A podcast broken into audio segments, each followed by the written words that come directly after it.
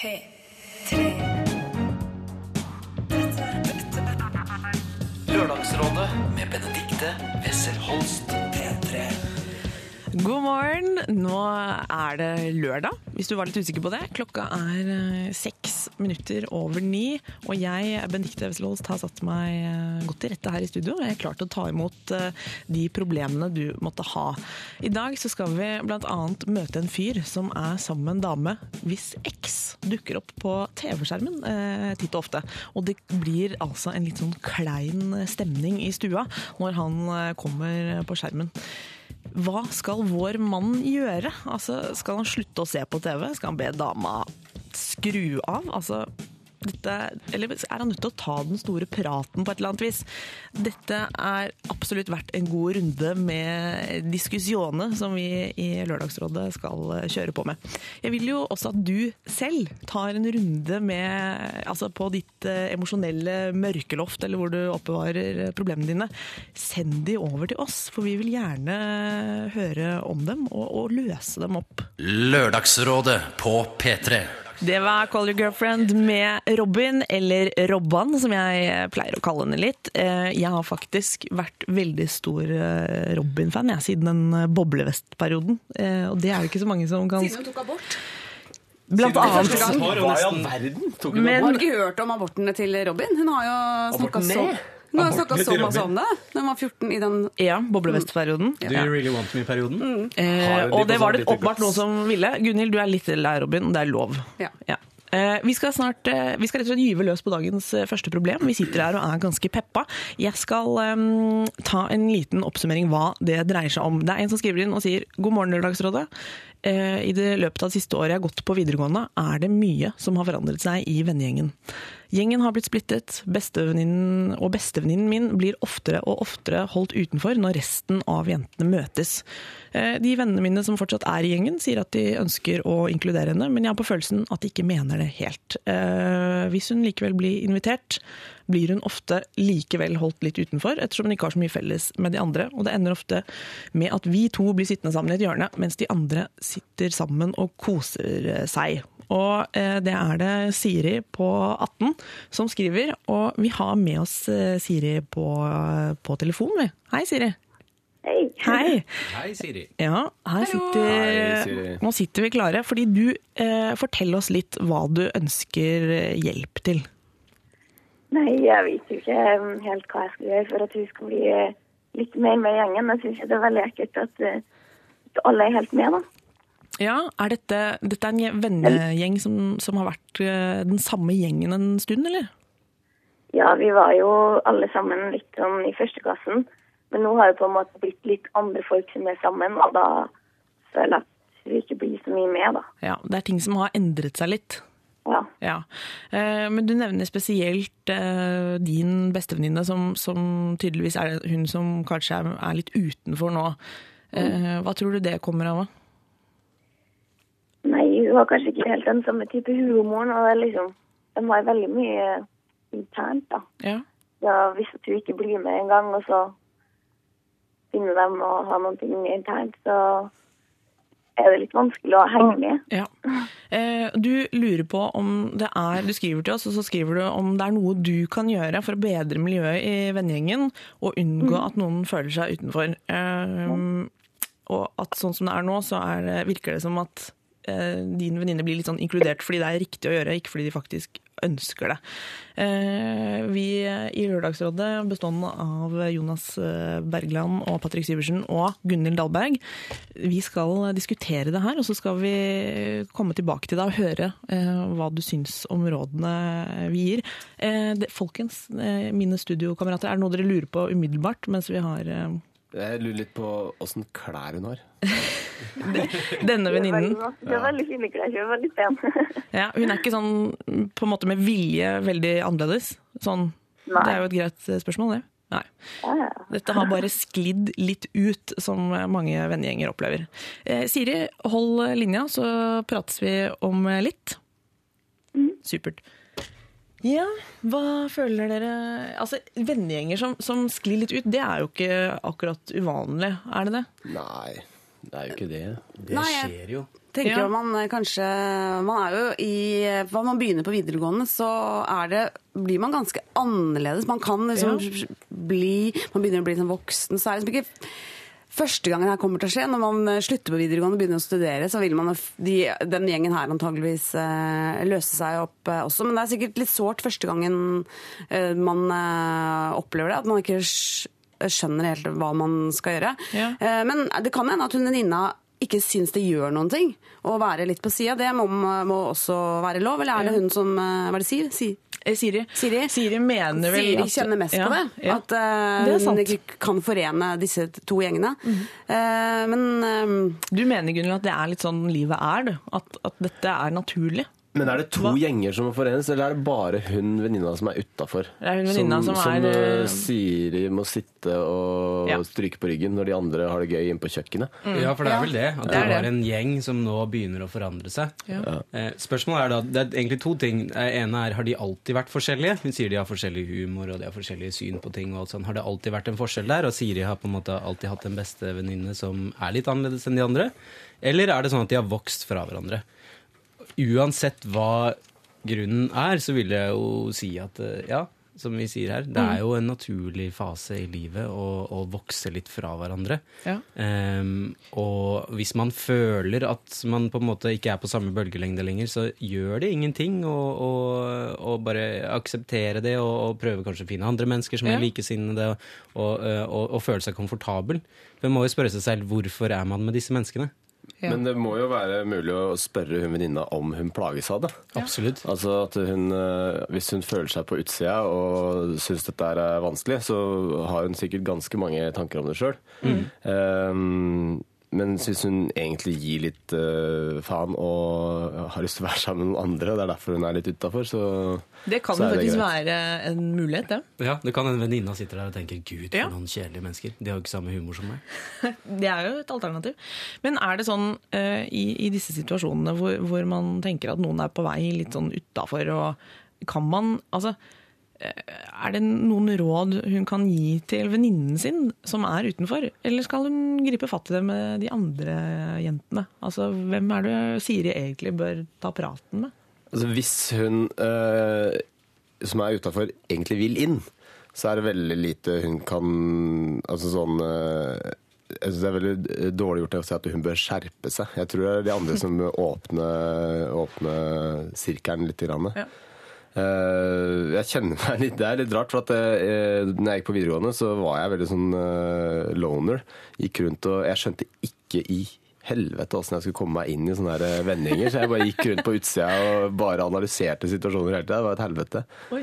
Så um, det å gi ansvaret over på den eh, ene som står utafor, det, eh, det er en jobb den på utsiden driver og jobber med allerede. Okay. Så det er veldig vanskelig å si sånn Nå må du ta i et tak her.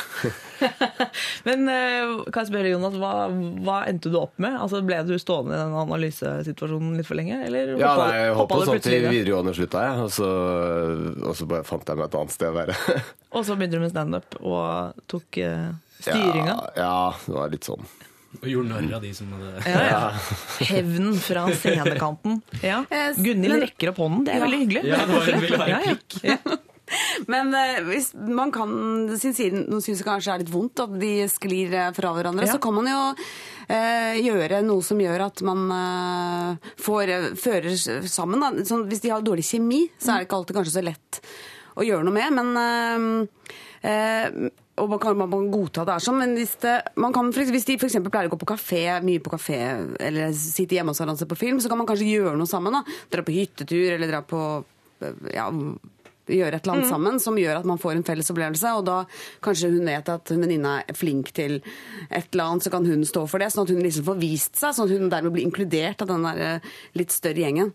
Så man kan gjøre kanskje Lage en veldig greit, god pastasalat, for Ja, for eksempel. Hvis det er liksom Skape en felles plattform. Ja, Ja. skape en felles Så har de plattform. Det er det det heter. referansepunkt. Skape felles plattform. Vi, vi, må, vi må høre med Siri her. Siri, Ja. får du, får du noe råd her som du kan, tenker at du kan bruke? Vi lurer jo faktisk først og fremst litt på om din venninne egentlig altså hvor Føler hun seg utenfor, eller føler du litt på vegne av henne at hun er det? Nei, jeg tror det er begge føler det. Ja, begge Eh, føler, ja. Hun Så da- er litt lei av å ikke bli inkludert. Ja, nettopp. Men de andre jentene, kan du, kan du, har du sagt noe til de, da? Har du sagt til de at Ja, kan men de, ja, de mener jo det hun som ikke inkluderer seg sjøl. Men de er jo en gjeng, så hun er én.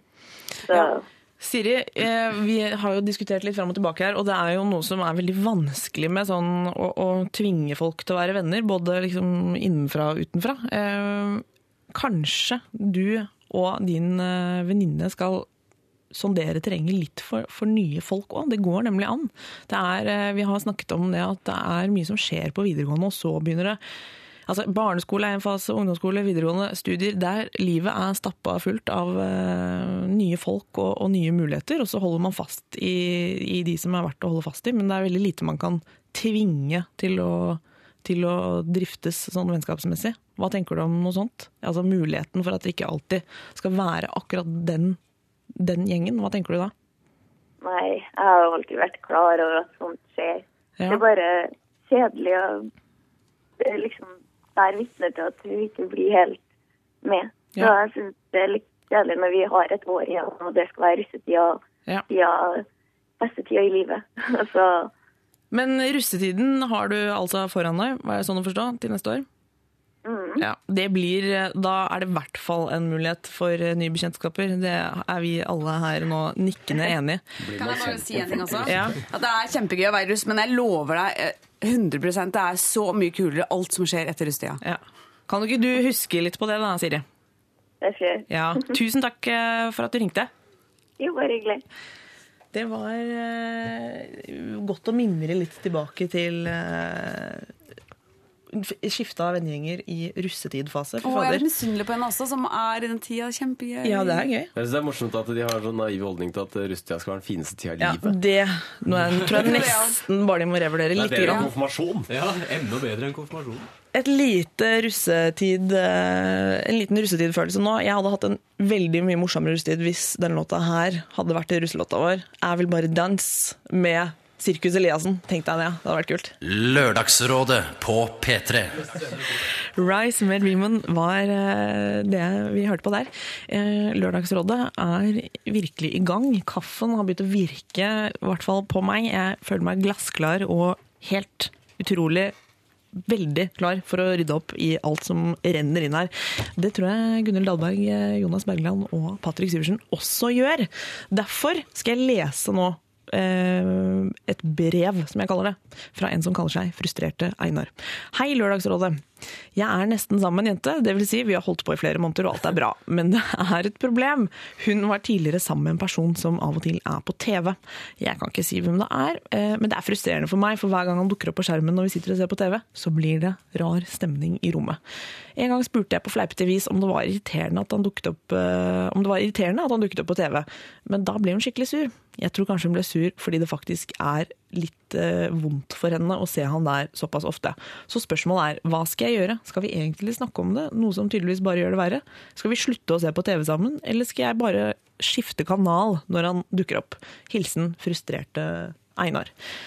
Jeg blir kjempenysgjerrig på hvem det er. Og for hvis det er sånn, de må slutte, Spørsmålet er må vi slutte å se på TV sammen. Da er det tydeligvis en fyr som er i reklame. Er det Sven Nordin, lurer jeg på? Å, spennende. Som er i reklame. Og dukker opp over- Egentlig så skal vi hele ikke gi tiden. råd, vi skal bare Han finne ut om det er Sven Nordin. Ja, Det er jo i Sammen med Sven Nordin sender hun til Lørdagsrådet. Det kan skje. Ja, men han, er, han er veldig mye på TV. Han dukker opp i noen teaterforestilling, kanskje en reprise av Carl Co. Han er sånn som Man kan ikke unngå å se han, da. Nei. Det er helt riktig. Men han har også vært eh, lykkelig gift i særs mange år, da. Lykkelig og lykkelig, vi Ja, kan ja, lure ja, ja, ja, ja, ja. Ring, se og hør. Ja. Ja, Hva nei. gjør man? Ja, hvis han dukker opp titt og ofte, greit. Det er veldig gode innspill, og det er selvfølgelig spennende å Akkurat det ruge med litt Sven den. Nordin var ikke så bra Nei, jeg innspill. Altså. jeg, jeg, Jeg sånn tror det er Nils Skavlan. Ja. Nils Vogt eller Skavlan. En av de to. Ja, det er en av de to. Men eh, la oss si at uh, vi ikke snakker om uh, Nils Vogt og Skavlan. Ja. Eh, så Hva gjør man med liksom TV? Jeg tror det blir veldig påtatt å drive og bytte kanal hver gang han dukker opp. Så jeg tror man sånn, Oi! Skal vi se på noe annet, eller? Det blir veldig klein stemning. Jeg tror ikke det blir noe bra det neste programmet vi ser på heller, uansett hvor uh, gøy det er. Eh, jeg tror uansett hvor klein stemning det blir, du må prate om det her. Men Ja. utenom TV-tid. Oh, ja. Kan ta det til frokost. Det er, eh, eller lunsj. dette er legen Jonas Bergland som snakker, for det Mm. er jo ofte det samme rådet man får med sex. Det er sånn hvis det er vanskelig med den ligginga, prat om det. Men ikke under akten. Dette Nei. gjelder jo også litt med dette TV-apparatet. Altså Prat om det, men ikke mens du ser på TV. Ja. Ikke under akten. Eh, nå har vi litt problemer her. Ja, det stemmer, det. Men eh, eh, ja, det er dette med årsaken til sjalusien eller den dårlige følelsen. Da. Det syns jeg er interessant her. Fordi eh, alle har ekser, alle har en fortid. eh, og spørsmålet når man går inn i et nytt forhold, er hvordan skal man forholde seg til det. Eh, hvis det at denne personen er på TV, er en ekstra påkjennelse, Eh, så lurer jeg på hvorfor akkurat denne personen Sannsynligheten for at hun har flere ekstra er veldig stor. Eh, sannsynligheten for at man støter borti én eller to av de på lang sikt, er også stor hvis man ender opp i et forhold. Eh, Men er det ikke noe med å liksom ha den eksen i stua? Ja, det er vel kanskje det, at den er til stede, men da er jo eh, i, Hver gang det er sånne konflikter, så må man alltid huske det at det er en grunn til at vedkommende er en eks, eh, og da må man strippe vekk alt av fasade, alt av karriere og Men alt sånt. eh, kan godt tenke, når han er på TV, kan godt tenkes det er han ja, som da- eh, gjorde det der slutt. Oh, ja, ja. Det kan godt være. Det er kanskje litt sårt, da, vet du. Og Ja. ikke like lett det å se på han der eh, som flotter seg på TV. Flott, vet du, er nå. Ja. Flink til å synge Kjekkere og var det, er Sven Nordin. Nordin, ja. I de OneCall-reklamene. Har du sett Sven i de OneCall-reklamene? Dansa linedance der òg? Nei, han blunker ikke. Å nei. Yes. Ja. Det er også en spesiell egenskap. Men tror dere altså, er- Hva skal Einar si, da? Altså, hvis, hvis vi kan koke ned til hvis vi setter Ta til side hvem dette er, for det finner vi jo ikke ut. Men han dukker opp eh, innimellom. Og det er ikke så tydelig om vår mann Einar Han virker ikke så veldig sjalu, egentlig. Han bare syns det er litt sånn ah, hvordan, Hun blir litt sånn Det blir litt sånn awkward stemning. Og det, det er Ble egentlig ikke problemet. kjempedårlig stemning, da? Hun storma ut og smalt i dører, sto det ikke det? Ja, det sto ikke Det ble det. litt altså. dårlig stemning, Ja. fikk jeg inntrykk av. Ja, ja, det Men det er jo irriterende å snakke om. Det Hun blir sikkert irritert. For Ja. at da føl men Einar føler jo sikkert at sin eh, Må det kommenteres, liksom? Ikke sant? Der dukker han ja, opp. så for X-typen er på TV i stua, kjempekjedelig. Ja. Og da blir Einars rolle Han sitter med holdet rundt eh, venninna si, eller, og, eh, som han vil bli sammen med. Mm. Ja. Det er litt, litt, bitte litt trua. Ja. Mm. Han begynner sikkert å fantasere. Hva har de gjort sammen med ditt og datt? Ja. Jeg skal ikke legge masse sånne tanker i hodet på Einar. Men man er veldig usikker i sånn Mm, så Man er veldig usikker i starten av forhold, Ja, så det vil jo gå over. Eh, og så er det jo at han antagelig som mann føler seg trua av en annen mann. altså al Alfahannen er i stua. Det er jo egentlig jeg som er alfahann når vi to sitter her. Mm. Eh, men det her eh, det, Men eh, det jeg skal si en ting til Einar. Jeg har jo uh, jobba en del år i denne bransjen. Intervjua litt forskjellige folk. Ja, det har du. Og veldig, kan jeg bare røpe med en gang? Ja. Mange folk som er på TV, har store issues. Å, spennende! Så vi ligger en grunn, en grunn til at det er slutt. Akkurat. For at eh, han har issues, antageligvis. Jeg vet ikke hvem. Fredrik Skavlan, sender Ja. Sikkert issues Ja, hele gjengen. ja. Men det er, det er sånn, så det er ikke noe, han er ikke noe av det samme. Og så er det ikke noe vits i å føle seg trua av folk Nei, som er på TV. For at de har blitt sminka opp, og alt skal være så utrolig Ja, ja, ja. regissert for at de skal se tipp topp ut når de først er på TV. Så Ja, at han sitter og ser ut som en dass i sofaen, det betyr bare at han ikke har et team rundt seg for å få han til å se bra ut. Ja. Men Tenk litt på det. Ja, det, jeg tror at det handler om eh, årsaken til at man føler seg trua, eller at man føler at det i det hele tatt er et problem. Det må man komme til bunns i. Er det personlig, eller er det fordi man projiserer og føler at hun eh, føler, ja, føler at hun fremdeles ikke er over den personen? Alt sånt. Det går an å snakke om. Ja. Hvis de på en måte er nesten kjærester, så føler jeg at da skal man ha en åpen dialog og kunne si sånn Du, det er ganske rart når han er på TV, hva syns du om det? Og Ja. så kan de snakke om det på en ganske Det er litt rart å, å ta sånne type prater når man nesten er kjærester. Altså, Den tida Ja, der skal jo bare være dødsgøyal, og man skal finne på kule ting hele tida. Ja, men hvis det dukker opp der- ofte Kanskje det er et program de ser på hver gang. De bare ser på Skavlan. da. Det er sånn jeg må sette meg ned og se på Skavlan. Det og er og er sykt mange bra serier på DVD. Ja. Men du, Man Det er tenker at den tida der skal være stas og alt skal være rosenrødt, men det er jo den tida der er jo den grusomste i eh, men hver er inngang til et forhold, fordi man er så nervøs. Man er dritforelska, man er så nervøs, og er sjalu, og hvem er denne ekskjæresten? Ja, og så skal vi slappe av og, og, Ja, skal vi slappe av og se på TV, og så dukker eksen opp. Nei, det er vanskelig. Ja, jeg synes, Hvis jeg bare kan si det, at det er jo akkurat det òg. I den oppstartsfasen, så det er jo da man kan tillate seg å kaste litt sånn ball og vise hva man er stressa for, hva man er nervøs for, hva man tenker om forskjellige ting. Sånn at man har prøvd ut de, prøvd ut de vannene der. Ja. Eh, Hvis ikke så kommer det kanskje for seint, og så Så sitter man der, da. Dette er en anekdote. Eh, Det var The Bachelorette som gikk på TV Norge. så, hadde de, så hadde de en hun som var bacheloretten. Hun sa I have a secret, og det skal jeg ikke fortelle eh, før jeg blir valgt eh, av en person. Og når, denne, når hun velger en mann helt på slutten, så var hemmeligheten hennes ekskjæresten min var Fabio. Og det resulterte i at uh, den mannen som hun hadde valgt, var sånn Hva i all verden? Var det Fabio? Dette går ikke! Og så ble liksom slutten av sesongen en sånn dramatisk avslutning hvor bare Fabio, den langhårede, lekre italienske muskelhunken, dette kan jeg ikke forholde meg til. Og så gikk de fra hverandre. Eh, jeg vet ikke hva moralen er der, men det syns jeg var ganske teit. Fabio, vær- Så hvis det er Fabio, så har jeg sett deg på TV. Einar, eh, du må altså ikke komme i den situasjonen. eh, At, eh, at det liksom baller på seg så enormt eh, mot eh, siste episode. Det, det kan du ikke risikere. Du er nødt til å ta praten, det er vi enige om. Og eh, skru gjerne av den TV-en og ta den praten kanskje over en øl eller noe annet hyggelig man driver med eh, mens man er på dealeren. Fordi eh, det er jo først og fremst det det skal være. Selv om det er eh, selvfølgelig vanligvis veldig skummelt og slitsomt. Men det blir altså en prat på deg, Einar. Det er du nødt til. Eh, og som sagt, det er veldig mange gode serier på DVD som dere kan kose dere med også. Her, eh, vi må eh, eh, Vi vil at dere skal sende inn problemer på lralfakrøll.nrk.no. Vi gleder oss til å gripe fatt i det.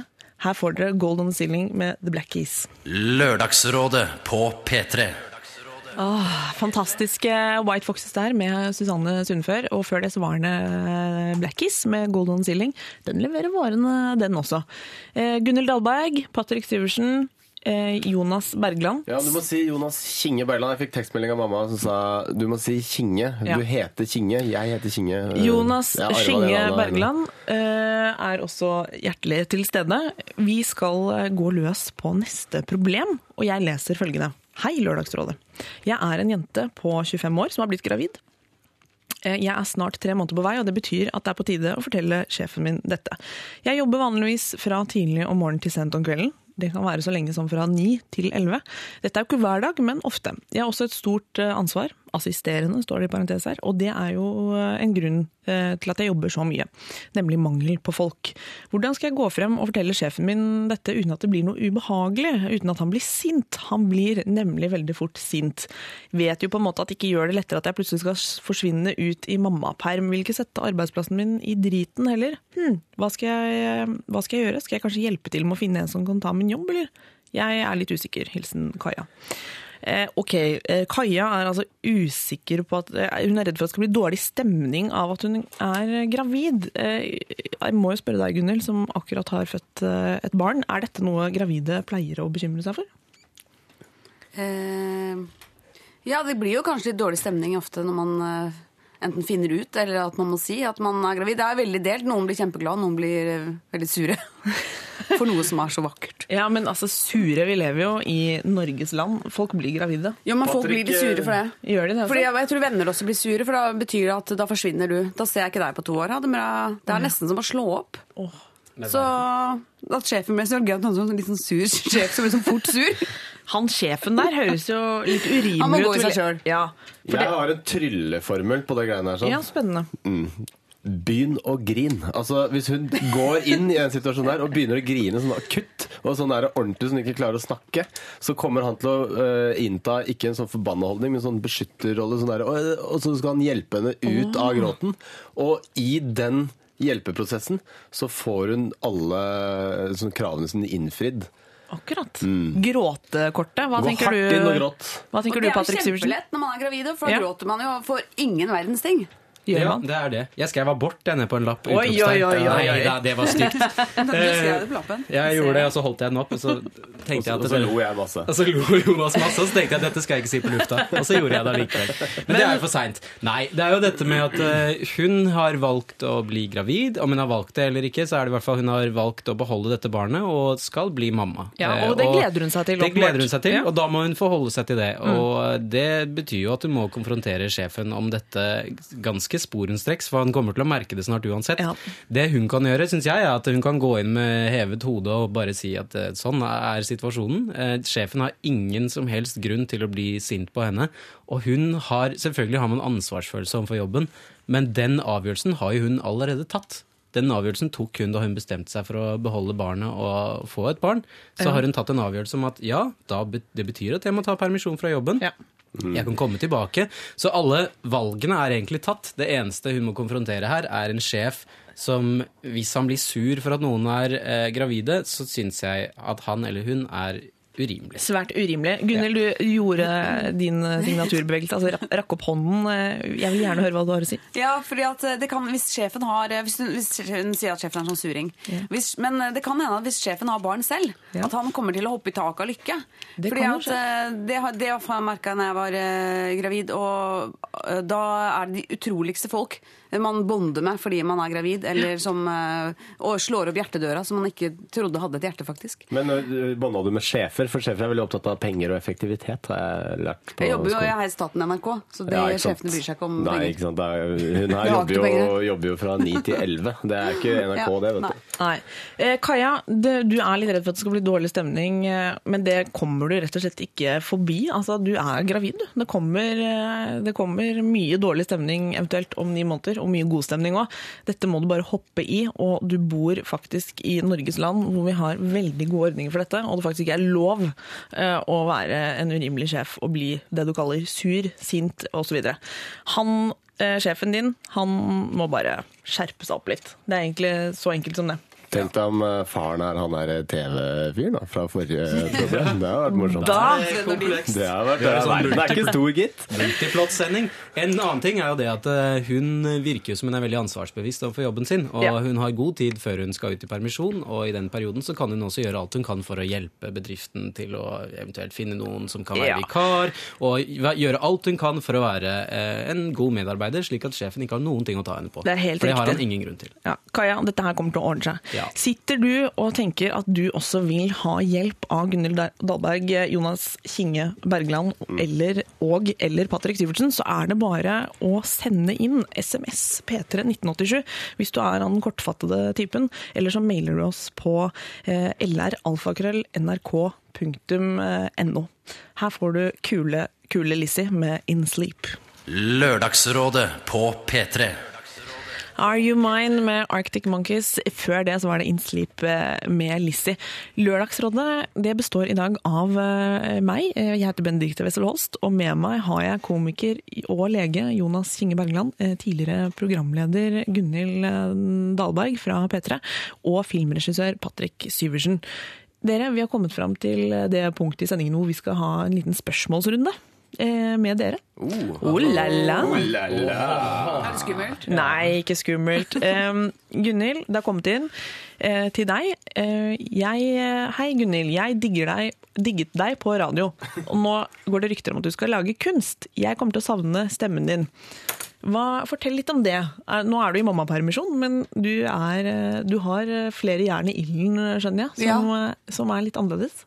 Jeg har ehm, I høst så hadde jeg permisjon fra NRK for å gå på eh, kunstskole, forskole. Kunstskole, du.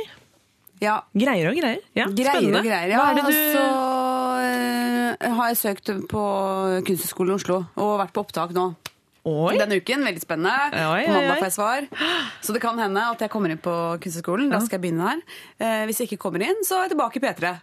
Spennende. Jeg liker at du deler det med oss. Det Og er så jo foregår det opptaket. Er det Ja, sånn at det lurer sitter tre stykker bak et bord, sånn som på Idol, og så Eh, sier de Hva gjør man? Ja, nesten. Nå, men det er veldig mange sånn nervøse sjeler, eh, anemiske eh, Jeg tror jeg var den tjukkeste. Og den gladeste. Eh, mange anemiske, tynne sjeler eh, som eh, møter nervøst opp. Så fikk man en oppgave hvor man hvor det egentlig er liksom lag hva du vil. Mhm. Så hadde vi to og en halv dag på å lage det. Og så er det Lag også- hva du vil. Altså, da, da er vi på Det var sånn ikke oppgaveteksten akkurat. Nei, men sånn, da, da snakker vi Nå, en nå spør praktisk prøve, som det heter. Du kan leve, du veve, du kan tegne, du Ja. kan filme. Ja. Du kan legge deg ned og Jeg lagde en videoperformance. Herregud, så pinlig! Spennende! Så kleint, Videoperformance. rett og slett. Det er mitt favorittmedium. Ja. Kan jeg spørre hva du gjorde? Ja, filma meg selv. Hva, hva Kledde meg ut og filma meg selv. Lagde du en Eh, sketsj? Ja, nesten. Eh, hvor jeg var en bloggkarakter. Ja, og nå Ja. er du i hvert fall Dette kan ikke ha gått så veldig dårlig, Gunhild, for nå er du videre. Nei, det var 16 som eh, 16, eh, eller 32 er det vel på de ja, 16 som søkte den linja jeg søkte, og så 8 kommer inn. Og så er det også sånn idolintervju hvor man måtte inn på et sånt lite grupperom. Jeg tenkte nå ble jeg slått i hjel med den forhetsflaska. Men Spennende. eh, det ble bare intervjua. Ja. Vi får se hvordan det går. Vi får se hvordan det går. Men det er altså sånn at du, du har disse interessene. Det syns jeg er veldig gøy. Disse evnene. Disse evnene. Er det, Det er er det en spesiell, magisk med meg, ikke sant? Er det en spesiell form du liker godt å uttrykke deg, hvis jeg kan spørre på den måten? Jeg, det, jeg har lagd en del fotofilm på skolen, Ja. eh, men jeg hadde egentlig bestemt meg for ikke jobbe med fotofilm og lyd. For det har jeg jobba så mye med, men det var jo det jeg endte, opp med å gjøre, selvfølgelig. Men det vil du kanskje få muligheten til å endre på. Eh, Jonas Kinge Bergland, eh, her er eh, et spørsmål til deg. Eh, hva er det morsomste ved å være lege, og det kjedeligste ved å være komiker?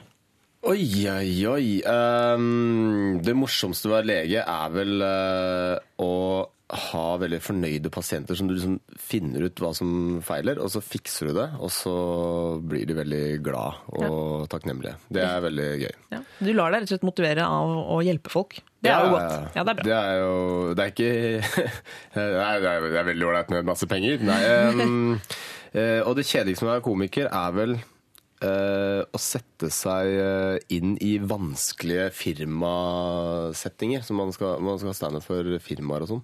Da tenker du på sånn firmajobbing, du. Altså at du, du har Ja, leid, ja. de har leid inn en komiker, og så er kommer du komiker, og så er det et kjempevanskelig eh, opplegg de har, og som det er veldig vanskelig å lage humor på. Det er ganske døvt. ja. Og det gjør du ganske ofte, eller? Ja. Ja. Det er altså veldig mange komikere som, som lever av det. Altså Bedriftene vil ha humor inn i lunsjpausen eller på seminaret. Det er veldig lite i lunsjpausen. Det er, ok, det er på, på kvelden. Det er på kvelden på seminar eller Ja. kurs eller uh, kickoff. Kickoff.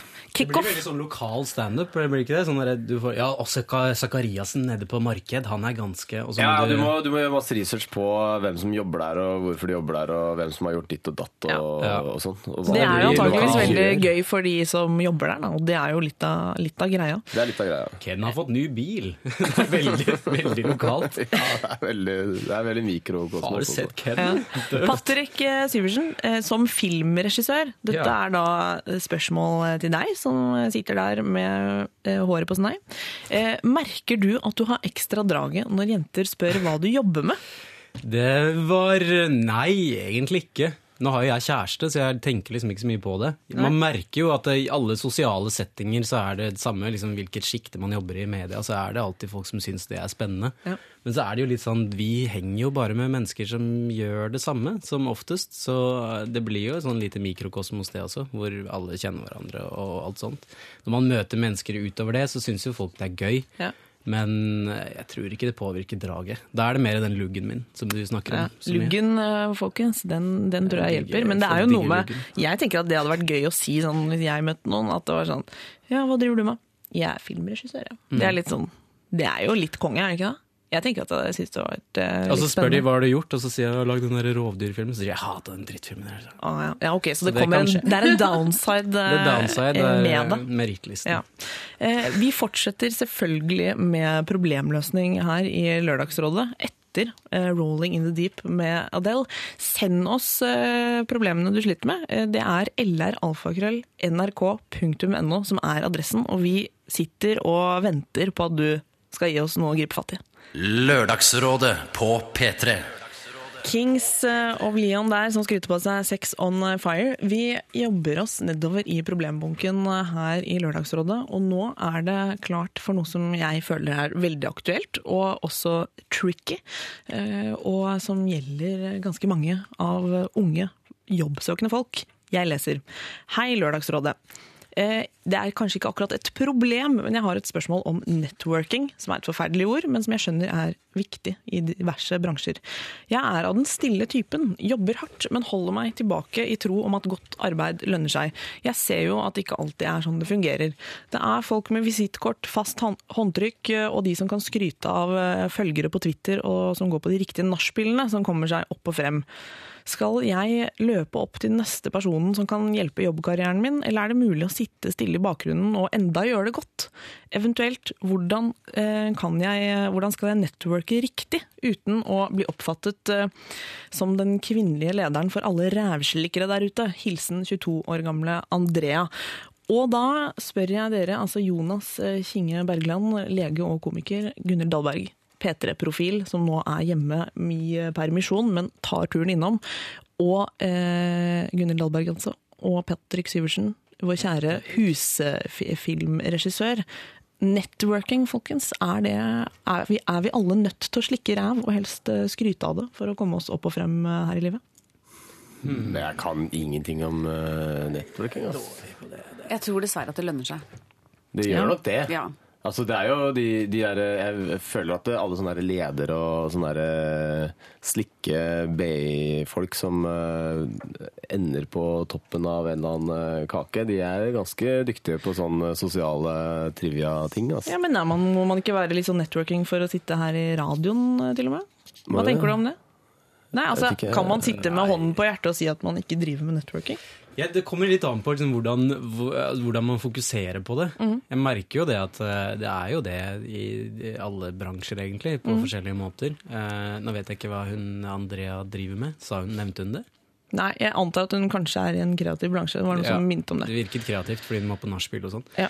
Ehm, det, ja, jeg, jeg vil jo tro at eh, det handler om hvilke interesser man har også. Ja. Hvis man ikke har liksom eh, håndlag for å, for å gå ut der og networke, så vil det føles desperat, og det føles som man går på på bekostning på sin Ja, altså man går mot sine egne verdier, Ja. da. Hvis man går ut og bare Hei, hei, ja, går det flott her?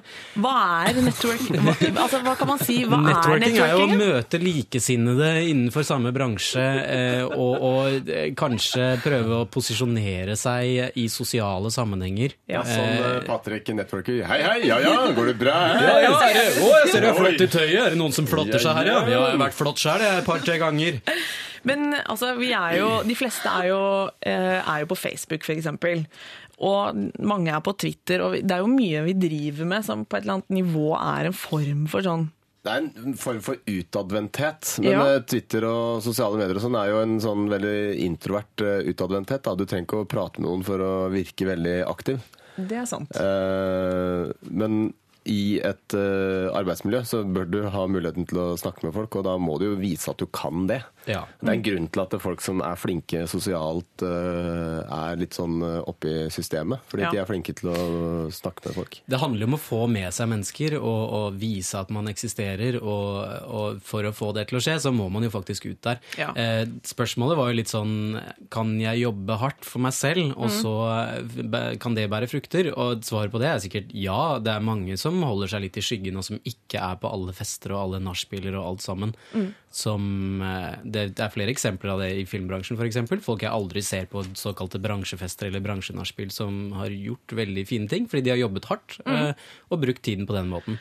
Men kombinasjonen av å jobbe hardt og ha gode intensjoner og samtidig være utadvendt, er jo selvfølgelig veldig god. Ja. Men eh, det skal, ikke, det skal ikke oppta mesteparten av tiden, for da, da prioriterer man litt feil, føler jeg. Hva er det beste rådet man kan gi eh, eh, Andrea for å, for å liksom på en måte skaffe seg noen kontakter uten å virke som en sånn smisker? For det er åpenbart at hun er ukomfortabel med.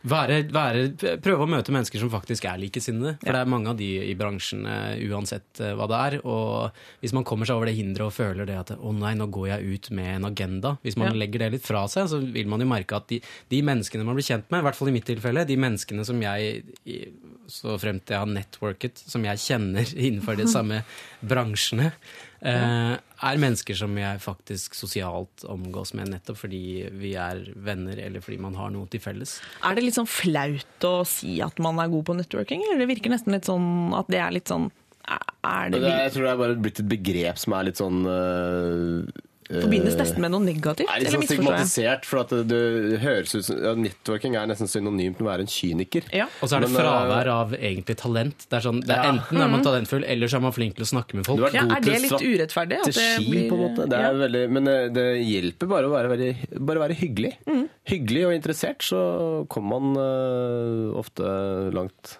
Men Ja. hvis man skal være interessert, det handler ikke networking, kanskje jeg har misforstått helt, men uh, om å skryte litt av seg selv, posisjonere seg. Jo, man må ikke du gjøre det for mye. Ja. Nei, men Skryte av seg selv er veldig dumt. Det er Ikke, ikke nei, ikke skryte, men altså, mindre du jobber i Amerika. Da Det kan du du gjøre det. tenker, Gunhild, er at du liksom Noe av greia er jo å si noe om seg selv også. Ja, at man det nytter ikke å bare ha en eh, net networking hvor, hvor det er en intervjusituasjon, Mm. og jeg står og spør deg om alt det du driver med, så skal du fortelle om det. Jeg, min intensjon med networking vil jo være at du får litt, eh, blir veldig nysgjerrig på hva Ja, jeg sånn, driver med. aha, spennende. Det, det visste jeg ikke Ja. om deg, Gunhild Dahlberg, at du faktisk driver med kunst. Jeg noterer meg det bak øret. Ja. Og så har man Men da må du ikke si for mye. Du må, liksom, eh, du må skjule litt, for at eh, man er jo veldig Altså, den janteloven fungerer Nei. eh, litt Ja. i Norge, så du må liksom hinte på det du driver med. Og så må du liksom Nei, men jeg er ikke så flink, vet du. Og da, da tenker man at jeg er sikkert dritflink. Ja. For det er litt forankret i nordmenn, er det ikke det? At vi liksom, vi syns det er nesten litt ubehagelig å prate med folk som ikke har lyst til å, å, å bli bestevenner med. Er det litt sånn at det er litt i oss? At Det er en rar kombinasjon, fordi jeg har bodd litt i LA også. Mm. Og filmbransjen Amerika. der, Amerikas land. eh, Og filmbransjen der er ganske ekstrem i forhold til bransjefesten og, og networkingen der. For der er alle veldig vokale om hva de gjør. Akkurat. Eh, Og det er veldig lite lytting. Det er bare, yeah, I've worked with Drew Barrymore, of course. Og så er det bare anekdoter. Og det kan fort bli slitsomt, fordi det føles som det ikke er noe kommunikasjon. da. Ja. Mens eh, det som jeg syns er positivt her til lands, hvis man tenker da i kreative bransjer, er jo at eh, det virker som folk er litt mer interessert, og at det er en kommunikasjon. Og det er vel kanskje den beste type networking, hvis man kan si det sånn. Da, er, er når man kommuniserer med en annen part, og man lærer andre å kjenne.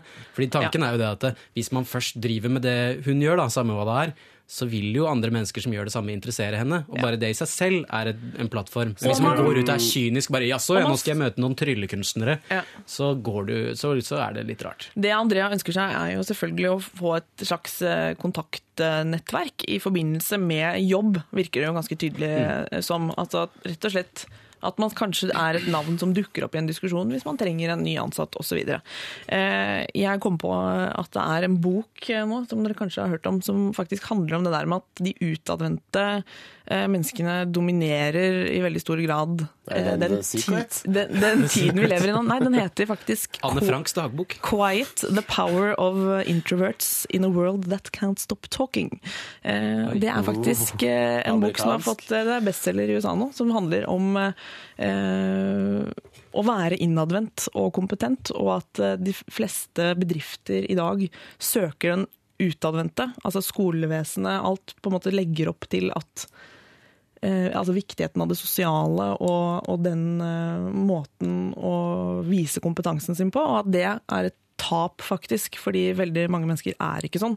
Og hvordan kan man hente opp de folka eh, og få dem opp og fram, eh, når vi liksom, i disse dager lever i dette networking og eh, sosialt eh, pratete samfunnet. Da. Den kan være et lite tips, faktisk. Eh, hun heter eh, Susan Kane, hun som har skrevet den boka. Eh, ja. En liten ting. Ja. Jeg bare tenker det at eh, jeg merker at jeg syns det er veldig interessant med de menneskene som jobber veldig hardt, og som ikke er så opptatt av å, å bruse med fjærene. Ja. Eh, så rent sånn erfaringsmessig så tenker jeg at det er de menneskene jeg finner mest interessante, og som sannsynligvis har lengre leverage eller levetid og, og kanskje mer tyngde enn de som eh, fyrer alt kruttet i begynnelsen. Ja. Snakker om eh, Drew Barrymore. Snakker om Drew Barrymore. Så typisk henne. Det er sånn der ET etter ET, så bare Da gikk det rett ned. Eh, Andrea, eh, du fikk med deg en del gode råd her nå, vil jeg si. Eh, fortsett. Eh, det går an å networke uten å oppfattes som en rævslikker, og du kan godt bruke et annet ord på det, bare for at det føles litt bedre. Rett og slett skaffe deg litt kontakter med folk som driver med det samme som deg. Det er ikke så møkkete å gjøre. Eh, og det viktigste er selvfølgelig å jobbe hardt for å bruse med fjæra, som Patrick sier, uten å ha noe å komme med. Det er ikke framtida. Har du eh, som hører på noe du har lyst til at vi skal diskutere her eh, i Lørdagsrådet, så vil vi gjerne gjøre det. Eh, Send det på SMS P31987, eller så kan du sende oss en mail med lralfakrøll.nrk.no. Lørdagsrådet på P3. Det blir ikke skikkelig lørdagsråd uten Donkeyboy med Pull of the Eye og søte, søte Vivian Sørmland på vokaler. Jeg syns de Donkey-gutta får med seg de fine damene, syns jeg, på, på, på materialet sitt. Um, vi skal gå videre med problemløsning. For det er faktisk derfor vi sitter her, selv om eh, vi nå, Gunhild Dahlberg, Patrick Syversen og Jonas eh, Kinge Limbo, vi sitter Kinge limbo! Det er Nei, Hvor kom den? Ja, det er derfor jeg ikke klarer å si det, Bergland! Ja, ikke sant. Mm, mm. Eh, Jonas Bergland har en fetter som jeg gikk på barneskole med, og han het eh, Han het eh, Miert Kinge Lindboe. Miert Kinge altså Kinge Lindboe. Migert. Miert. Han het egentlig Knut Petter, så ble han hetende Miert, og nå bytta han til Miert. Det er en lang historie, jeg gidder ikke å ta hele. Det er en lang historie, men det forklarer hvorfor det er vanskelig for meg å uttale et etternavn sånn på sparket. Ja. Ja. Men det er altså komiker og lege Bergland som sitter ved min side. Bergland. Kinge Bergland. Må bli en sende meldinger hele tida. Ja, vi må ha det med. Det er Eh, mellomland. Man bindestrek hvis du skal ha begge. Kan si, si til mora di. Ja. Å, ja. Synd det, at du glemte den bindestreken. Det var dumt, det. bindestrek? Ja. Vi går videre. Eh, Hei, Lørdagsrådet. En av mine bestevenner sliter med selvtilliten og mener selv at hun ikke er bra nok. I tillegg er hun hele tiden rundt og sier til meg at jeg er så perfekt, tynn, fin kropp osv. Det er snart skoleball, og jeg har flere aktuelle dater, og hun har ingen. Jeg blir innvendig litt sint på henne, men sier hele tiden at hun er bra nok, hun er fin som hun er, osv. Men jeg går inn det ene øret og ut det andre. Her om dagen var vi på en jentekveld, og jeg fikk ikke lov til å kle meg for sexy i gåsetegn.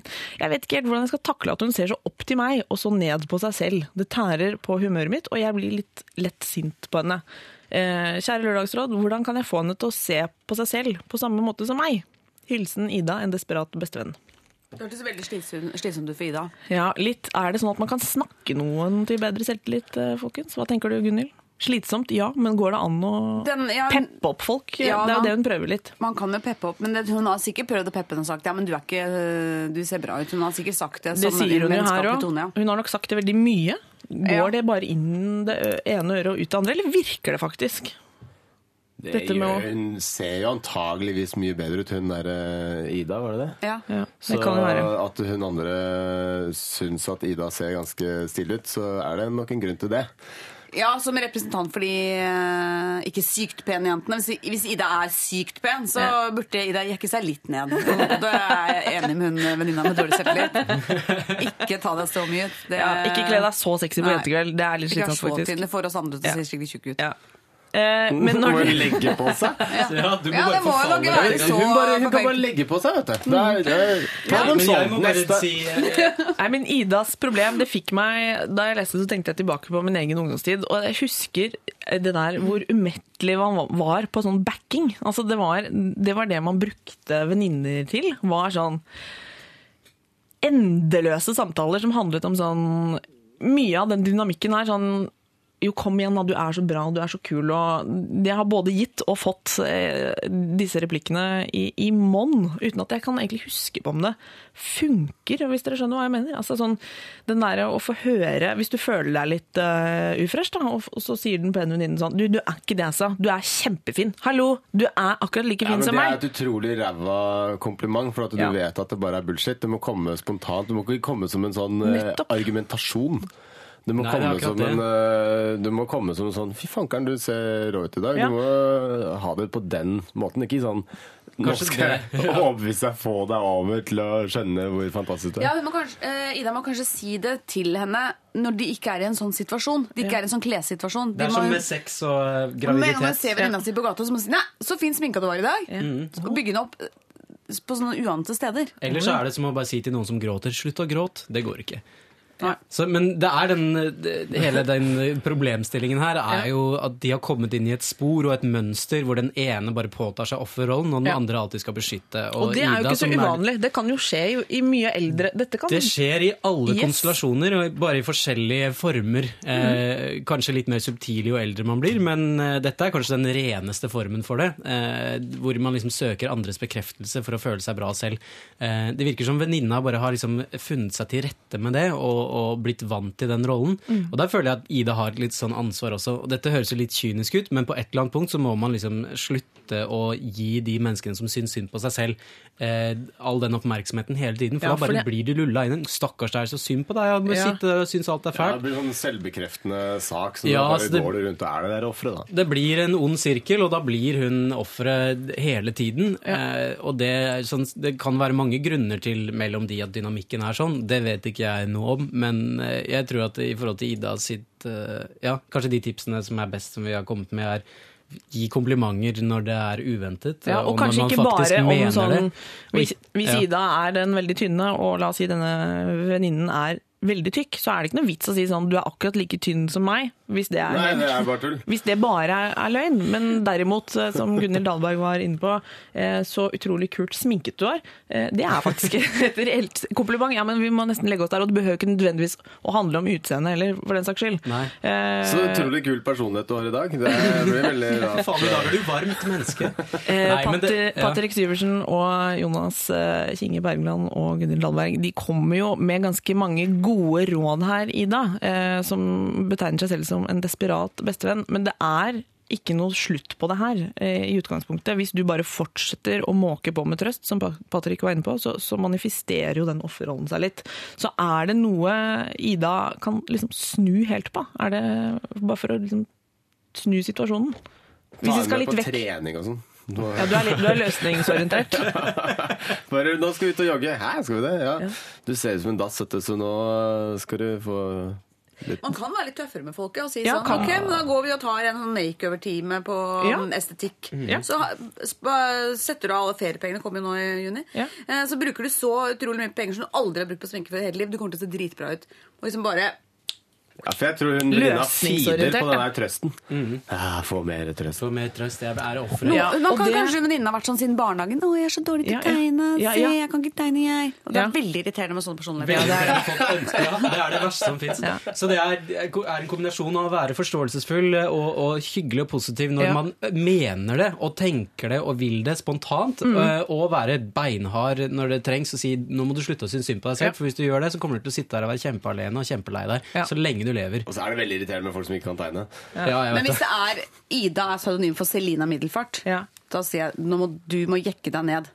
Hvis du, er det, hvis, hvis du er det, Ida, hvis du har så lange, tynne ben, veldig mye penger og et perfekt utseende, så, så skjønner vi faktisk at bestevenninna di blir helt eh, desperat eh, sjalu og, og down, eh, faktisk. Men hvis du ikke er det, så syns vi at du skal være litt grann streng med henne, og ikke bare feede dette, eh, dette trøstebehovet hun har. Eh, er, det er rett og slett litt for vanskelig å, å prate folk opp av gropa. Det, det viser seg gang på gang at det ikke er noe venninner eh, nødvendigvis får til. Men eh, som Gunhild Dahlberg var inne på, hva med helt konkrete ting? Eh, kjør på med en liten shoppingrunde, en makeover f.eks. Altså ting som bare er litt sånn pep, og, ikke bare prat. Det kan faktisk eh, funke. Sitter du og tenker at eh, du har lyst på en makeover, så syns vi at eh, det må du bare gjøre. Hvis du har andre problemer som ikke sminke kan fikse opp i, så syns jeg, jeg at du skal sende det inn til oss i Lørdagsrådet. Det er lralfakrøll.nrk.no. Eller så kan du jo sende oss en SMS hvis du er eh, litt sånn kortere, hvis du lar deg formulere med små eh, bokstaver og 125 tegn. Små bokstaver. Åh, det er P3 Kan bruke store bokstaver. Det ser ut som 1987. Vi vil gjerne ha det. Eh, Her får du Bittersweet med Electric City. Lørdagsrådet på P3. Call Me Maybe eh, av eh, Carly Rae Jepsen. Eh, Et navn som får meg til å tenke at jøss, er du dansk eller norsk? Eller? Men hun er kanadisk. Det må være greit.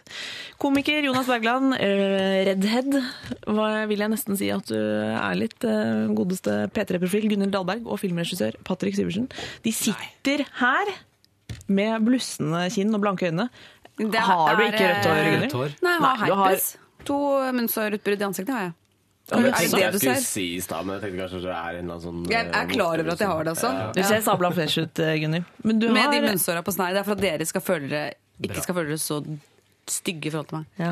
Du som hører på nå, vi sitter altså inne i et studio og er litt, sånn, litt varme i toppen, fordi det er eh, kjøret går altså, når problemene renner inn, og, og vi løser opp i det meste på løpende bånd. Og vi er jo ikke ferdige ennå. Her kommer det et nytt. Eh, hei, Lørdagsrådet. Jeg er en 22 år gammel gutt og er på leting etter den rette jenta, med strek under altså.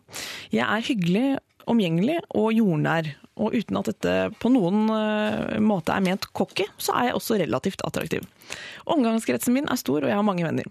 Antakeligvis er jeg kresen, eh, men aller mest så er jeg bare målrettet i forhold til hvilken type jente jeg ønsker. Altfor ofte tar jeg meg selv i å bruke check-lista når jeg tenker på om vedkommende jeg har møtt er noe for meg. Hvordan skal jeg klare å slutte med dette? Eh, essensen i problemet mitt ligger nok likevel i at jeg altfor ofte havner i den berømte kompisfella. Grunnen til dette tror jeg at jeg heller vil ha den aktuelle jenta som venn, enn å risikere å miste henne hvis jeg prøver på noe mer. Hva skal jeg gjøre for å unngå kompisfella og få henne til å se på meg med litt andre øyne? Det hadde vært supert om dere kan hjelpe meg med å løse dette problemet. Hilsen eh, Eirik, som er 22 år. Oi. Det var mange ting i Det det er her. egentlig et todelt problem. Det ene er at man han er leter etter det. den rette, eh, som kan være problematisk når man har det som mål når man går ut og møter mennesker. Han er veldig kristen fra Sørlandet. Men du som meg, leter ikke er alle ingen etter som den er rette. kristne som er fra Sørlandet. Nei.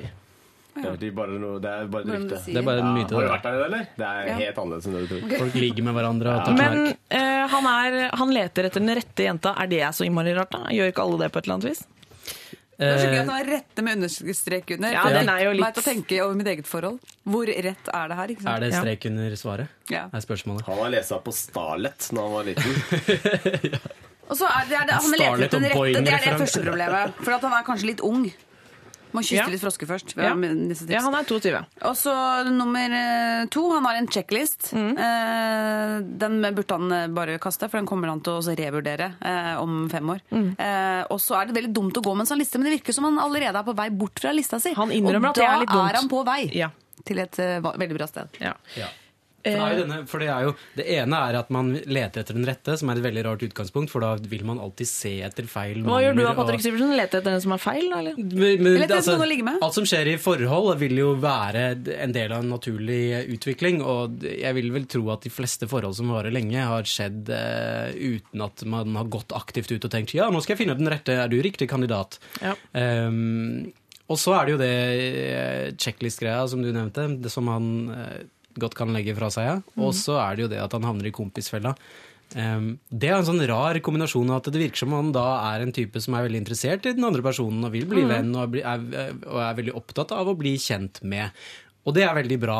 Men noen ganger så går det an å gå andre veien også og tenke ok, er dette en attraktiv kvinne, kan eh, det være noe på gang nå, så kanskje de ligger sammen hvis de ikke er kristne og fra Sørlandet. Eh, eller eh, at det skjer noe sånn, og så kan man bygge videre på det på den måten. Det virker som han går inn den ryddige, ordentlige veien Han, hele han gjør og da, et jobbintervju, og så Ja. er han bare veldig sånn utrolig hyggelig hele veien, og da blir du kompis. Det du må være for det, jentene, jentene vil jo ikke respondere Nei, på det. være Så- så hyggelig han er. uforutsigbar og, og tøysete, og da blir det litt mer flørtete tone. Og så, vet du, kjærligheten er uforutsigbar, vet du, og da driter du den sjekklista og faller for rare ting. Er det det dere gutter, altså Jonas og Patrick, er det det dere tenker at jenter faller for? Den, den uforutsigbare, spesielle, kjipe fyren?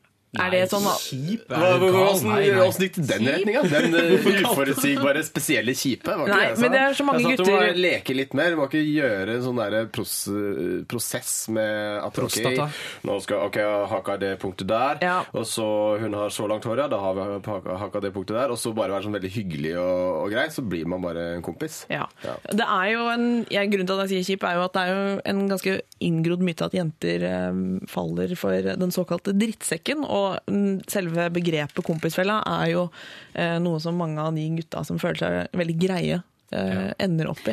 Men det handler om tilnærmingen, tenker jeg. Mm. Og det er bare den derre alle, alle forhold eller relasjoner vil jo eh, dra nytte av at det er en genuin eh, tiltrekning, Ja. eller en genuin interesse eller et genuint engasjement som er litt spennende. Mm. Og at det ikke bare er ryddig og ordentlig. For Ja. hvis det er ryddig og ordentlig, som ikke er negativt eh, for så vidt, men eh, det kan fort oppleves, eh, sånn som du sier, at som et jobbintervju, da, eller Mm. en, en, eh, en altfor rolig situasjon. Og da kan jo også jentene misoppfatte og tenke at denne personen er jo ikke interessert i meg i det hele tatt. Ja, hvis for han bare blir så... der så- Jaså, ja, du har studert, ja. Spennende. Ja, jeg skal jo besøke moren min etterpå. Vi Ja, skal det blir rett og slett eh, litt for eh, usexy, eh, Eirik. Men um... Jenter liker jo litt bajaser. ja. Eh, Altså er- drittsekker, Fortell, Gunhild. Ja, altså, altså drittsekker. Ja. Nei, man liker jo ikke folk som slår, eksempel. Der går grensa. Nei, det er man rasshøl, liker det er jo litt eh, ja, uforutsigbarhet. Ja. Men det virker som han skyldte litt på jenten også, at han var jo tross alt litt attraktiv. Og så ender han opp med å bli kompis, og allikevel så er ikke hun forelska i meg. Ja. Men han har satt det med sjekklista si sjøl, så han må, jeg tror han må liksom sortere problemene sine litt. Og få rydda opp litt i seg selv. Og... Og lev litt, grann, ikke vær så analytisk. Neste gang man går ut, hva med å bare gå ut og så la det skje det som skjer? Og så kanskje det er en litt dårlig erfaring, eller kanskje det blir en kjempebra erfaring som du ikke hadde regna med. Men hvis du, eh, hvis du er litt for strukturert når det gjelder sosial omgang, så kan det oppfattes litt kjølig eller litt eh, distansert Så det du prøver å si er drikk deg full. Det er det. Bli full, det er det du eller sier. eh, du trenger alltid. ikke bli full engang. Bare løpe rundt og være bajas. ja. Eirik, trenger ikke det, altså. Kysse litt frosker, da. Ikke bare lete etter den rette. ja, det Altså var ikke amfibie. Det, Nei, det er en ekte frosk. overført eh, metafor på Ja. noen som ikke er så fine. Eirik, du hører eh, hva som kommer fram her. Det er greit å ha Jeg tror vi alle har en form for checklist, enten vi innrømmer det eller ei, men den bør ikke være altfor streng, og du bør ikke ha den med fysisk eh, på byen og notere underveis. For det er litt hemmende. Eh, gå for eh, instinktene og se hva som skjer. Oi, spennende. Det, Det blir kjempespennende. Litt som sånn flue på veggen-merka nå. ja, ja, ja. Når Eh, instinktene skal slippes løs. det er kanskje en risky ting å si, men det er viktig å, å følge også hjertet og det man umiddelbart føler, ikke bare det man vet er riktig. Send oss gjerne flere problemer hvis du vil. Det er lralfakrøll.nrk.no. Vi tar veldig godt vare på dem eh, og bruker dem f.eks. hvis vi ikke rekker å ta det i dag, så bruker vi det gjerne i neste sending. Så bare kjør på. Snart skal vi diskutere et problem som Gunhild Dahlberg har personlig. Det gleder jeg meg til. Før det, Never Let Me Go med Florence and the Machine. Lørdagsrådet på P3. Never Let Me Go med Florence and the Machine. Eh, Jeg tar, eh, må ta opp en eh, SMS som kom inn eh, nå nettopp, eh, fra apropos det vi snakket om eh, rett før eh, Florence and the Machine. Det var eh, Eirik som eh, havna i kompisfella, og det engasjerer eh, på SMS-en. Eh, Den rette leter man ikke etter. Den kommer til deg uten at man vet det. Jo mer man stresser, eh, jo lengre tid vil det ta. Hilsen Ole. Innspill der altså, eh, som et eh, til forrige problem. Gunhild, litt innspill fra deg òg? har bitte litt innspill. for det er ikke bare Jeg, Kjæresten min, han som jeg er sammen med og fått barn med, den rette, han eh, tvang seg på meg i et halvt år. Å, ja, så Så det funker med press også. Akkurat. Man bare gir opp og bare Ja, greit. Ja, det er helt sant. Jeg, var ikke, Dramatisk jævlig ut. da. jeg ville ikke bli sammen med han. ja. Men, Men, men, det er jo samme. Så jeg sitter i saksa. Hjelp! Voldtektsmenn som tar kontakt Ja, Han brøyt seg ikke inn og voldtok meg, da. Nei, for det hadde vært litt rart. men han det er jobba. Han jobba. så så. Ja, er men så kan han kanskje ringe etterpå og si «Hei, hyggelig i går, og eh, takk for i går. Eh, Gunhild, du har du til slutt så tror man liksom at eh, man er forelska. Ja, for eksempel det òg.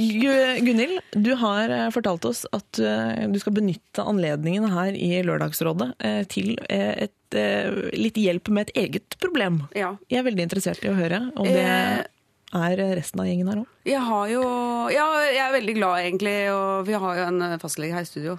Ja. Og jeg har egentlig lyst til å ta Jeg har en utgått kropp. En For jeg har jo vært gravid, og man aner ikke hva slags forfall man eh, står for. Få se på kroppen din. Men eh, nei, jeg tenkte jeg skulle ta de andre problemene. For at hvis eh, ok. man har resten av sendinga, hvis vi skal bygge opp dette her, eh, ta tak i den kroppen. Eh, men det som er Det er et husmorproblem. Nye problemer for baby. baby. -hmm. Og blir introdusert for helt nye sånn, problemstillinger, også sosialt. Fordi at på helsestasjonen så blir man satt opp på å være i en barselgruppe. Okay. Da blir man satt sammen med vilt fremmede kvinner. Det er kvinner som føder ca. likt, samme dato cirka. Ja. Da, da har man plutselig veldig mye til felles fordi man har fått barn. Ja. Så, skal vi mø så har vi møttes eh, sånn av og på. En gang i, eller de har vært veldig fast. Og så har jeg vært bare sånn, for jeg har ikke kunnet alltid, og hadde syk baby og vært litt sånn inn og ut av den gruppa. Eh, pluss at jeg har en del venninner som har fått baby, så jeg tenkte det her blei litt for mye. Så sendte jeg sånn felles e-post til alle sammen. Jeg kan ikke i morgen heller, og ikke neste uke heller, og ikke uka etter der. Fordi sånn og sånn. Dette blir litt for mye stress for meg. Jeg ønsker dere lykke, gode turer, og ha lykke til med babyene. Ja.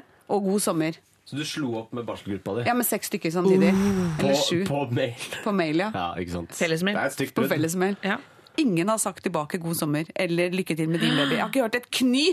Og jeg vet at det gikk fellesmail ut forrige uke med hvor de skulle møtes. Jeg har ikke fått den mailen heller, så jeg har tydelig tatt av lista. Jeg føler meg litt sånn Jeg har slått opp, men jeg har sånn frosset ut også. Ja. Ja, men det er Men sånne, Gunhild, med sånn er sånne det. brudd som er litt stygge, så er det bare å rive av plasteret, og så ikke noe kontakt. Det er viktig. Du mener Ja, egentlig at du fortjener fortsatt å være på maillista? Nei, ikke på maillista, men jeg syns at noen kunne svare sånn Det var dumt. Ja, men De trodde sikkert at det var noen andre. Skulle gjøre det. du vil, problemet her er at du vil at andre vil ha deg, selv om du ikke vil ha de. Ja. Jeg bare det var greit å si Når man sier ha det, så sier man ha det tilbake. Ja. Ja, det gjør man. Men Det det er det er mange som tror, når det er fellesmail, så tror folk at det, Ja, det er sikkert noen som sier ha det, at jeg gidder ikke gjøre det. Jeg kan ikke, for at det, Og så hadde akkurat alle sammen tenkt akkurat det samtidig, og så skulle de gjøre noe kjapt, så de kunne ikke si ha det. Til så jeg burde eksempel slått opp personlig med alle. Burde Ja, Gått nå, på døra dims og bare 'hallo, ha med en flaske vin her'. Eller tatt det i barselgruppa og sagt sånn Du, dette er min siste barselgruppe. Ta det face to face med hele gjengen. Ja. Jeg svarer sjelden hvis jeg får en felles SMS, for eksempel. Jeg kan merke når noen venner sender ut sånn Hei, vi stikker ned på park og tar en øl. Så eh, er det veldig hyggelig, men da føler jeg ikke et ansvar for å svare. Og jeg pleier å svare på sånne ting, ja, men eh, ok, For da da, skjønner jeg at det, for det sånn tenker jeg som at det er det en litt mer informativ. Eh, Hmm, jeg svarer alltid på SMS, men eh, Ikke alltid, men, men dette er liksom nære venner. da Selvfølgelig Barselgruppa er jo ikke nære venner av deg. Og det er kanskje Nei. det som er litt av det rare også. Dette er mennesker som du bare har blitt plassert i en gruppe med, og som du har på en måte Det er som litt som gruppearbeid. Ja, Men Gunhild, likte, var det en grunn til at du ikke prioriterte det? Var de litt sånn ikke helt uh, ikke your crowd? Nei, skjønner. for det var jo ikke der så veldig mye. Nei. For jeg hadde så mange andre kule venninner å henge med. Ja, Nei da, men, kanskje eh, du ble kanskje det- oppfattet litt sånn? Ja, kanskje det. Å gud, ikke gi meg flere problemer. Kanskje de tenkte tenker at du tror at du er sånn kul radio Ja, ja, ja, jeg gidder ikke å henge med den barselgruppa som er tvunget på meg. Det er sant. Da får du ikke noe reply, nå vet du. følte jeg meg bedre. Nei, det er kanskje litt sånn husmorproblem som man går og gnurer med. fordi Nei, jeg man tror det er veldig, veldig riktig. Og så er det noe med den der gruppe, gruppemailen og gruppe-SMS som ikke alle faktisk føler noe ansvar for å svare på. Det, det er ja. ikke, ikke tenk at det ligger hat bak eh, stillheten som møter deg nå, men Men så litt skulle det vippe meg av pinnen. ja. Jeg tror det er for mye sammen med det barnet, sånn at eh, du, du går og tenker på sånne type ting. Du Så må... mindre sammen med babyen. Ja, legg, legg barnet litt bare noen meter unna deg, og så kan du gå og gjøre Du kan, du kan fortsatt se at den ligger der. Ja. Og så kan du vet ikke jeg, kaste på stikka eller gjøre ting som du er interessert i. da. ja. Poenget er at du har tatt et valg, og du har valgt å ikke være sammen med disse menneskene lenger. eh, Og, Og du har valgt å få et barn. du har valgt å få et barn, så nå sitter du der i det klisteret. Men det som er at hvis de ikke ja, men hvis de ikke sier ha det til deg, så vil jo du oppfatte at de har dårlig folkeskikk. Men da får du heller bare tenke det, så kommer du seirende ut av det. Ja. Og den barselgruppa, den, den trengte du ikke så intenst. Det er like greit. Eh, har du som hører på lyst til at vi skal eh, fors forsøksvis gjøre så godt vi kan eh, med å løse opp i det du selv definerer som problemer, og som vi selvfølgelig tar på alvor, så er det P31987 som er SMS-adressen, eller alfakrøll.nrk.no. Det er mail, og der kan du bare greie ut hvis du har behov for å få plass til å forklare hva du sliter med. Vi skal løse opp i flere ting, vi. Før den tid så er det Wild Bird med Big Bang. Lørdagsrådet på P3. Det var eh, Tomorrow Calling med Sweden der. Eh, vi skal eh, innom noe som jeg vil si er eh, veldig aktuelt. Jeg har lest uh, opptil flere saker, i det, eh, saker om det i avisen, faktisk. Eh, det handler om naving, eh, et nytt begrep som jeg har bitt meg merke i. Det blitt et verb, det. Det har blitt et verb. Eh, hei, Lørdagsrådet. Jeg håper dere kan bidra med litt eh, innsikt. Jeg har en på jobben som har vært sykemeldt i gåsetegn eh, så lenge det er mulig, og som åpenlyst sier at hun kun nå skal jobbe tre måneder til hun kvalifiserer til en ny runde på Nav. Eh, hun har jobbet i bedriften veldig lenge, men har aldri klart seg spesielt lenge i hver avdeling hun har vært innom. Det virker litt som avdelingslederen hun har nå, ønsker, heller ønsker at hun går tilbake til Nav enn å ta opp problemet, eventuelt be henne om å slutte. Personalsjefen vet ikke om planene hennes, eh, mens vi som sitter litt lenger unna denne avdelingen, lurer på om det er noe vi bør gjøre i denne situasjonen. F.eks. snakke med henne, eventuelt informere noen som kan stoppe denne navingen. Hilsen Harald. Oi. Ja, altså, Så folk driver med det der, altså? det er jo en eh, såkalt trygdesnylting. Eh, Ja. Og det skal man jo være imot. Man skal være imot det, men det skal, man skal også være litt forsiktig med å dømme folk før man vet bakgrunnen for at de driver med dette her er og er sykemeldt. For Ja. det, er mange grunner til at folk ikke takler jobben sin. Enten kan det være at de direkte er syke, og at det er helt reelt. Eller så kan det være eh, faktorer på jobben med en vanskelig kollega, eller ting som gjør det kjempevanskelig for dem. Og eh, ikke klarer å ta opp det i uh, livet sitt, og bare unngår det ved å holde på med Nav. Da. Ja. Ellers er de late drittsekker og må skjerpe seg. Ja. Ja. Det er Ja, det er faktisk flere, flere alternativer, altså, og det er ikke nødvendigvis så lett å se sånn med, med det blotte øyet om folk er syke eller ikke. Så. Nei, Det er en viktig ting, faktisk, og Ja. det merker man i disse diskusjonene, særlig med litt konservative. Ja, så ja, skal du gå på trygd? Men eh, det er veldig mange grunner til at folk er dårlige, og det er veldig mange psykiske problemer, og det er veldig mange, ja, og det er veldig mange som ikke kan konfrontere de problemene òg, og da skal man ikke fordømme. Men eh, det kommer helt an på hvordan det kommer frem. Hvis vedkommende sier ja, jeg gleder meg, for om tre måneder så har jeg jobba opp nok, og da kan jeg få det og det, Ja. så virker det litt og de- kynisk. Og hvis de ikke da gir uttrykk for noe som helst av eh, Men det er jo ja. kanskje en måte å si, si det på som ikke nødvendigvis er sann. Nei, det kan jo være Eller hva tenker man? Ja. Ja, det kan jo også være en fasade som eh, er et, et Hvis slags de, når, de, når de snakker om det her, og, og, og hvis de liksom krøker seg sammen og, og fniser og så gnir seg i hendene, det er ofte sånn uh, tegn på at de, eh, de utnytter Og hvis det kommer dollartegn i øynene òg Men Jeg Jonas, skal på Nav, da er det ikke bra, ass. Nei. Jonas Kinge Bergland, du er jo lege. Eh, Det Er det sånn at du, skri du sitter ofte og skriver ut disse sykemeldingene? du? Du, det gjør jeg ganske Ja. ofte. Og, Og der ser du eh, mange ulike årsaker til at Ja, folk ber om det. Det er veldig mye forskjellig, Ja. og øh, de aller fleste har øh, gode grunner til det. Ja.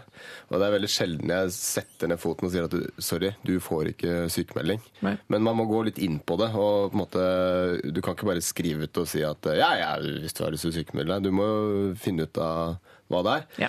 Og de aller fleste har veldig gode grunner for det, altså. Og, men da blir det litt min rolle å liksom sånn sette en slags varighet på det her. Hvor, Ja. hvor uh, langt øh, ser du for deg at uh, Ja, vi så trenger man kan ikke bare stemple helt ut. Nei, Men så er det jo- ja. ja, Patrick. Det, er- ja, det er bare en liten ting også, og det er det at eh, det er litt spesielt å ta problemet på vegne av noen andre. fordi hadde det vært vedkommende som hadde, vært, som hadde sykemeldt seg her, som hadde hatt eh, kvaler i forhold til det, så hadde det vært en annen måte å angripe det på. Men her er det jo noen som står utenfor situasjonen og Mhm. lurer på hvorvidt man bør ta ansvar for å si ifra og stoppe, virker det som. Ja. Ja, men Da kan man jo ta den personen til seg, hvis man, eh, Ja. hvis man da kjenner det litt, da, og sier som du Sorry, nå, jeg syns det høres litt rart ut, det du holder på med. Er det en grunn til at du er uh, sykemeldt eh, så lenge? Altså, Er du så dårlig? Klarer du ikke å jobbe? Er det helt reelt, eller Ja. hvorfor er det sånn? Og det er vel det å prøve å forstå først og fremst, og så setter man det inn i situasjonen, og så da kan man kanskje få et, et litt bedre perspektiv på det. Mm. Fremfor å bare gå til høyeste hold og si 'vedkommende snylter', og så viser det seg at man har tatt feil. Ja. Det må være veldig trist. Ja. Ja. Gunhild Dahlberg, Nei, innspill. jeg, ja, jeg bare tenker jeg, ehm, jeg bare tenker at friske folk eh, vil som regel ikke sitte hjemme på ræva, som man tror de gjør. Altså, det er jo ikke noe spennende på TV på dagtid. Det er jo begrensa hvor mange roser man kan klippe eller plante eller Og de fleste andre jobber jo også, med mindre man er i en stor gjeng hvor alle naver. Da er det jo sikkert kjempegøy. Man kan eh, dra ut med båten og ta seg en lang skitur og sånn. Ja, du mener faktisk at det er, man skal Men være litt forsiktig med å tro at det er så snevert veldig eh, miljø som du skildrer her. Sånn. Det er ganske mange som har lyst til å bare sitte hjemme og sløve og se på akkurat det som er på TV, uansett eh, hva det er. Helt ukritisk. Så Er det ganske mange som vil det? Ja, men mange som er, det er, Du finnes det, hvert fall. forholdsvis late Ja, du blir dårlig av det. Ja. Så det er ikke noe, det er ikke noen god spiral, da.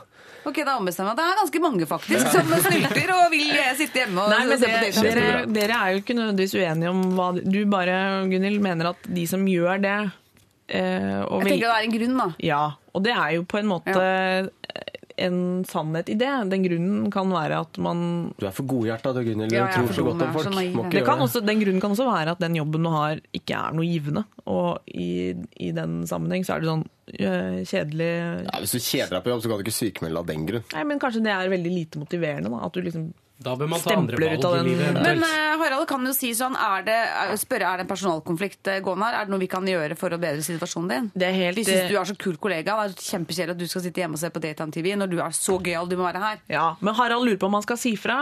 eh, eh, eventuelt ta opp problemet med denne Det syns jeg han skal gjøre, faktisk. Ja. Snakk med vedkommende og gjør det på en helt hyggelig måte og si hva som skjer her. Ja, ok. Kan ta over en kaffe. ikke ta det med ledelsen. Det er bedre å det være lojal nedover enn oppover okay. man er, hvis man er på samme nivå. Eller Ja. linje, som det heter her i NRK. hvert fall. Ja. Eh, Harald, eh, vi håper at du eh, Vi syns det er en god idé at du snakker med henne personlig eh, og hører hva som skjer.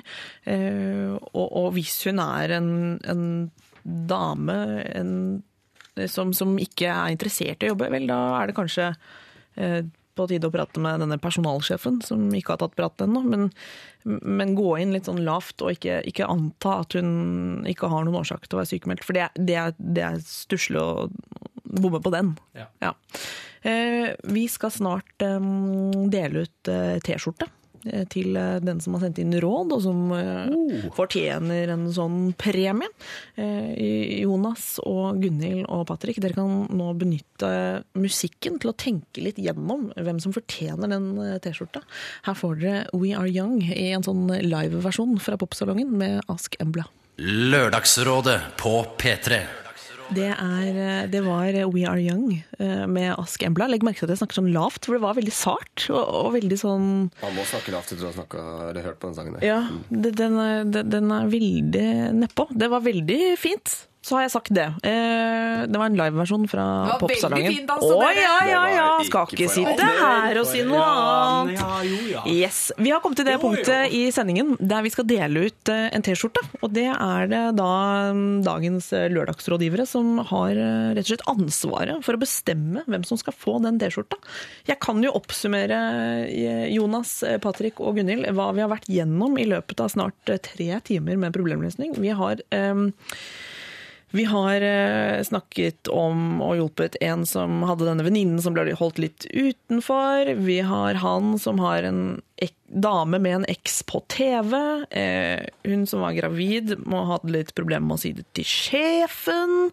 Eh, Networkingsdilemma.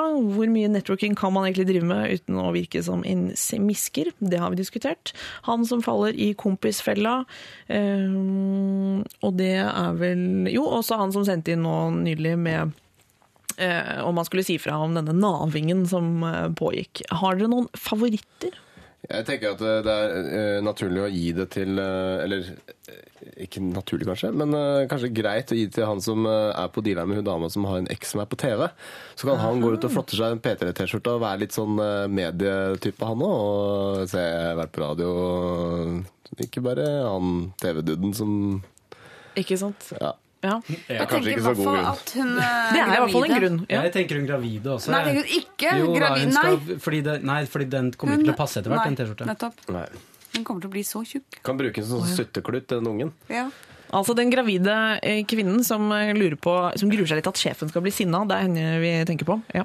Nei, vi må gi det til uh, hun som har venninna som uh, sliter med å komme inn i gjengen. Ja. Synes det er, ja, han, det er hun hadde et- du et litt hjerte for. Så kan hun gi den til Det er venninna. et sårt Ja. og fint uh, lite problem der. Så kan hun gi den til venninna, ja. Så Ja. blir hun dritkul når hun går med den T-skjorta. Og så blir hun inn i gjengen igjen. Åh, kanskje det er akkurat den handlingen som skal til. Hva Kanskje tenker du, det. Patrick Syversen? Har Ja, du men noen jeg er faktisk favoritter? enig. Jeg Ja. liker, liker den tanken der, altså. For de Jeg- andre er, eh, er ikke så såre.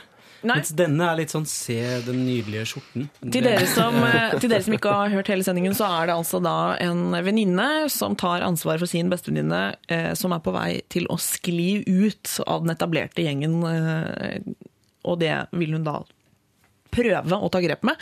Og nå går vi, går vi for at hun skal få en T-skjorte eh, som hun kan gi til venninnen som er på vei ut av gjengen. Og De er jo russ eh, om et år, og det gleder de seg veldig til. Så kan de ha den eh, lørdagsrådet-tirsdag under russdressen mens de danser. Åh, det er helt perfekt! T-skjorta går eh, til Ja, til henne, og hun kommer til å kunne bruke den, og kanskje til og med få en effekt av den T-skjorta, rett og slett. Altså, den er så kul? Den er Jeg så kul ikke- at den stråler ut. Jeg syns den T-skjorta skal ha den statusen eh, som veldig, veldig kul.